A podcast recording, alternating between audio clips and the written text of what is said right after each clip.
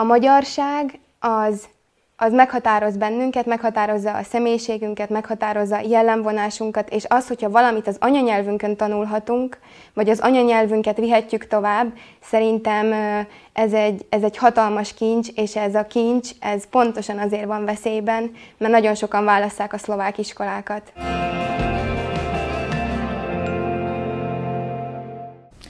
Köszöntöm a kedves nézőket! Kétségtelen, hogy a legtöbb szülő a legjobbat akarja a gyermekének.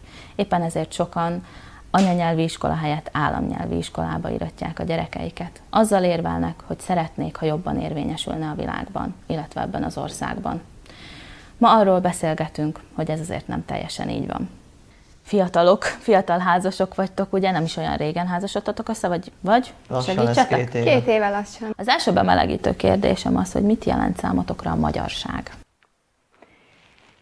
Talán röviden és tömören összefoglalva a gyökereket, azt mindenképpen, és, és egy, egy ilyen áthidalást is múlt és jövő között, hogyha most így, így belegondolok igazából, hogy abban nőttem föl, és óvitól kezdve iskolán keresztül egészen a középiskoláig, a gimnáziumig magyar iskolába jártunk, főiskola, mm, főiskolán mentünk szlovák főiskolába, és egészen addig egy ilyen stabilitást jelentett, egy olyan biztonságot, hogy magyarul megszólalni, magyar környezetbe, és egy ilyen otthon létet igazából a magyarság, olyan természetes közeget. Nekem a magyarság az egy életérzés. Én ezt kiskoromtól magamba szívtam, mivel én is magyar óvodába jártam, magyar alapiskolába, magyar gimnáziumba, aztán elkerültünk egyetemre, és ott tapasztaltam meg, hogy ez a életérzés ez ugyanúgy megmarad, csak páros után egy kihívással is, mert Szlovákiában élünk, és kihívás, hogy ez, ez a magyarság ez megmaradjon számunkra.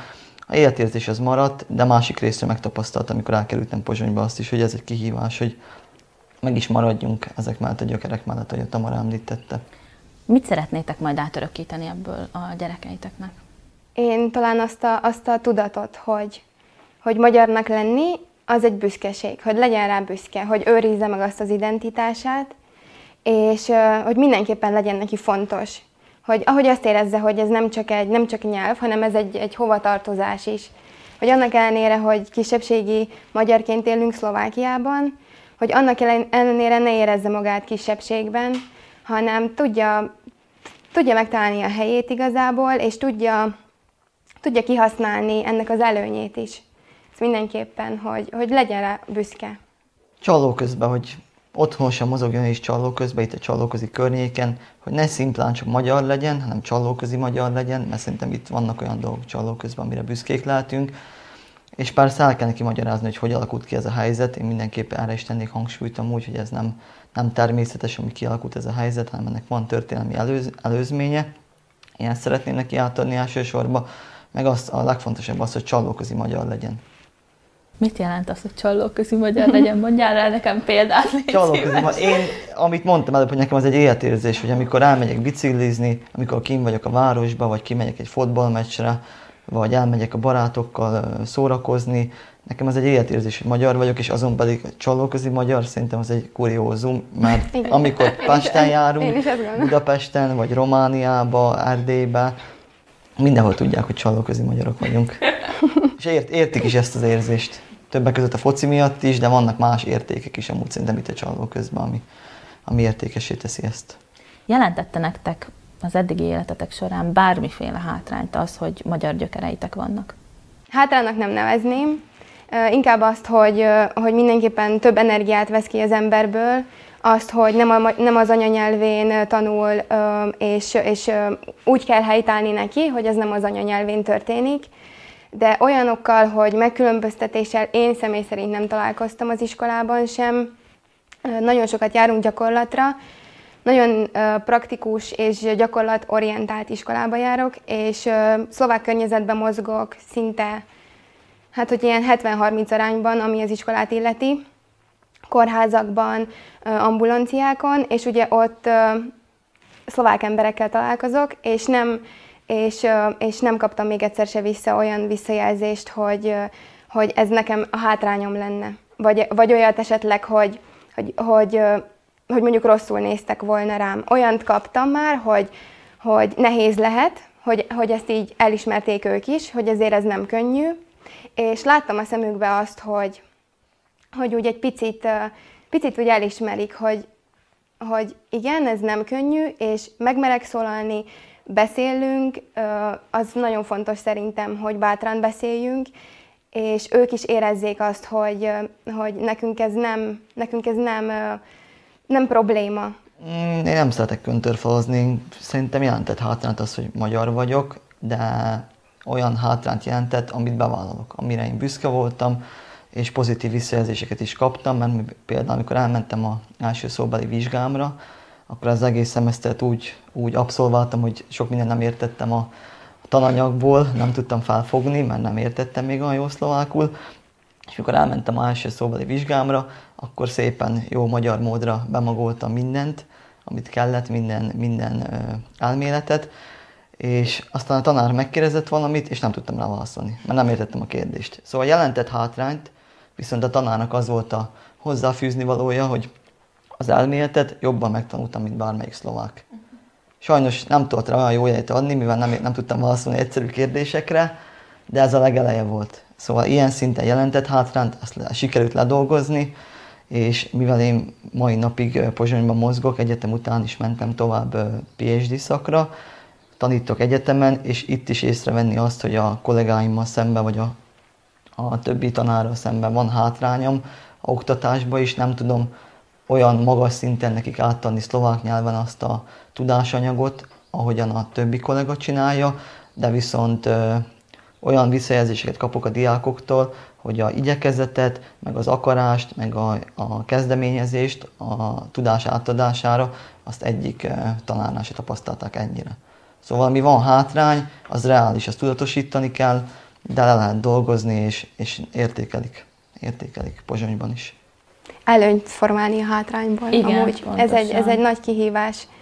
De ez egy olyan kihívás szerintem, hogy ö, aztán megéri.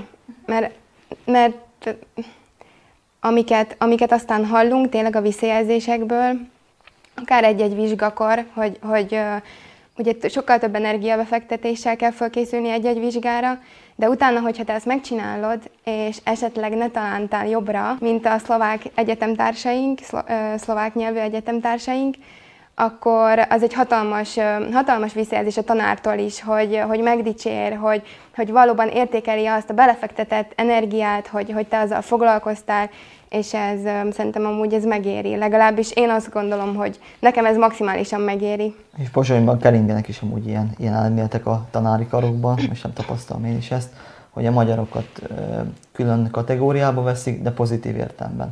Akik kétszer annyit képesek dolgozni, kétszer annyit képesek beletenni, igyekeznek, szóval én is, akiket tanítok magyarok, azok 90%-ban elmondható, hogy átlag fel teljesítenek. Pedig kvázi deficittel indulnak. Ráz a hideg végig. Na most akkor most áruljuk már el, hogy hol dolgoztok, illetve hol tanultok.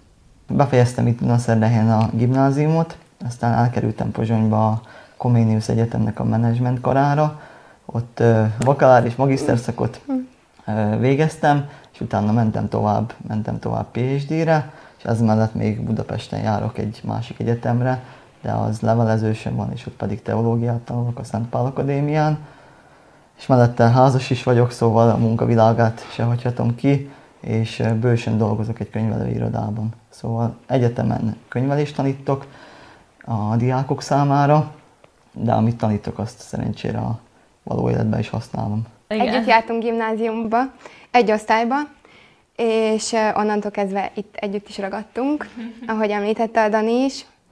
És szóval magyar gimnázium, Utána nekem az utam egy picit rögösebb, még amúgy eljutottam oda, ahol most vagyok. Fizioterápia szakra mentem el, a szlovák egészségügyi egyetemen tanulok, most vagyok végzős, és gyerekekkel szeretnék talán foglalkozni, ez még egy, egyébként amúgy kérdéses, de, de talán a gyerekekhez húz a szívem, és nem fogom tudni őket mellőzni.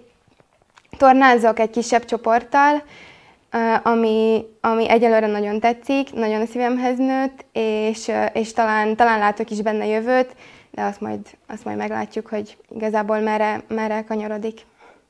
Egyébként szoktatok beszélgetni fiatal házasokkal, akik mondjuk nem anyanyelvi iskolába iratták a gyerekeiket, hogy ő, ő, ő nekik mik az érveik az államnyelvi iskolák mellett, vagy mikkel szoktatok találkozni? Egy ember az eszembe jutott, és ő úgy indokolta, hogy nem szeretné nem szeretné kitenni a, gyerek, a gyerekét a későbbiekben annak, hogy mondjuk ne tudjon boldogulni, az miatt, mert anyanyelvi, tehát anyanyelvén tanult, és ezért kevésbé tud majd szlovákul megszólalni, szlovákul beszélni. Nekem itt két, kétfajta, két véleményem van. Az egyik szerintem az, hogy ez, ez valószínűleg a szülőnek a tapasztalatából is indul ki, hogy ő azt tapasztalta, hogy ő neki ez nehéz, és ezért szeretné a gyereket ettől megkímélni, amiről azt gondolom, hogy valójában így lehet, de akkor talán, talán azon kell elgondolkozni, hogy, hogy mondjuk mit tehetnénk azért, hogy ez könnyebb legyen. Nem azt csinálni, hogy, hogy szakítunk ezzel a mm, hagyományjal, vagy ezzel a, igazából a anyanyelvi, anyanyelvi oktatással, én annyit tudom mondani, a privát szférából a tapasztalatom nekem annyi, hogy, hogy a magyarság az egy kincs, és ez a privát szférában is megmutatkozik itt, itt ezen a vidéken, mivel az összes cég halásza azokat az embereket, akik tudnak mind szlovákul, mind magyarul, mert rengetegen dolgoznak, összedolgoznak magyarországi cégekkel, és szükség van ott a magyar nyelv tudására, és legkönnyebb elsajátítani a magyar nyelvet akkor, hogyha magyar iskolába járunk. Már vannak olyan ismerőseink és van olyan tapasztalatunk, hogy szlovák alapiskolába jár, szlovák óvodába, szlovák középiskolába, hmm. kikopott ez a magyar Sajnos. nyelv, szülőkkel otthon szlovákul beszélnek, egyetemre szlovákra járt, és elfejtette a magyar nyelvet. Pár év hmm. alatt, pár évtized alatt. Igen. Egy gondolattal hogyan tudnátok motiválni azokat a szülőket, akik még vacilálnak azon, hogy milyen iskolába írassák a gyerekeiket, a magyar gyerekeiket? Én talán azt mondanám nekik, hogy megértek minden kétségüket és minden, minden angodalmukat, ami valószínűleg személyes tapasztalatból van, vagy ismerősi körből van, de próbálják levetíteni a saját életükre és a saját nagyszüleik helyzetébe, hogy ők is ugyanazt a utat járták végig valószínűleg, hogy magyar iskolába jártak, a nagyszülek is magyar iskolába jártak, és ez rengeteg olyan kincset meg értéket hozott az életükbe, amit nem érdemes elcserélni a könnyebbik útér. Könnyen megoldás az, hogy szlovák iskolába írassuk a gyereket, és úgymond megkönnyítsük az ő dolgát, de ezáltal egy olyan kincseket veszít el, meg olyan értékek nem fognak beleivódni a szervezetébe, testi-lelki egészségébe, ami aztán évek, évek múlva, évtizedek múlva akár rosszul is elsülhet.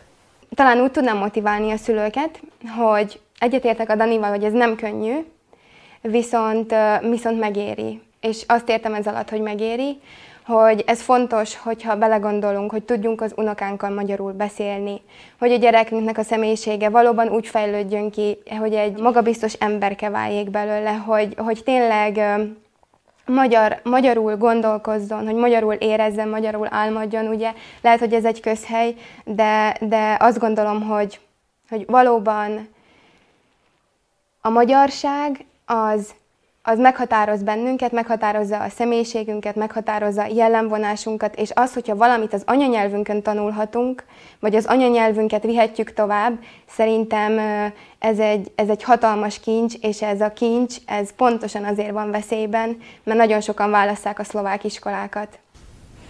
Én nem is tudnék ehhez semmit hozzáfőzni, csak azt kívánom nektek, hogy nagyon sok gyerkőccel gyarapodjon a családotok. Köszönjük! Köszönjük, hogy velünk tartottak, tegyenek így legközelebb is.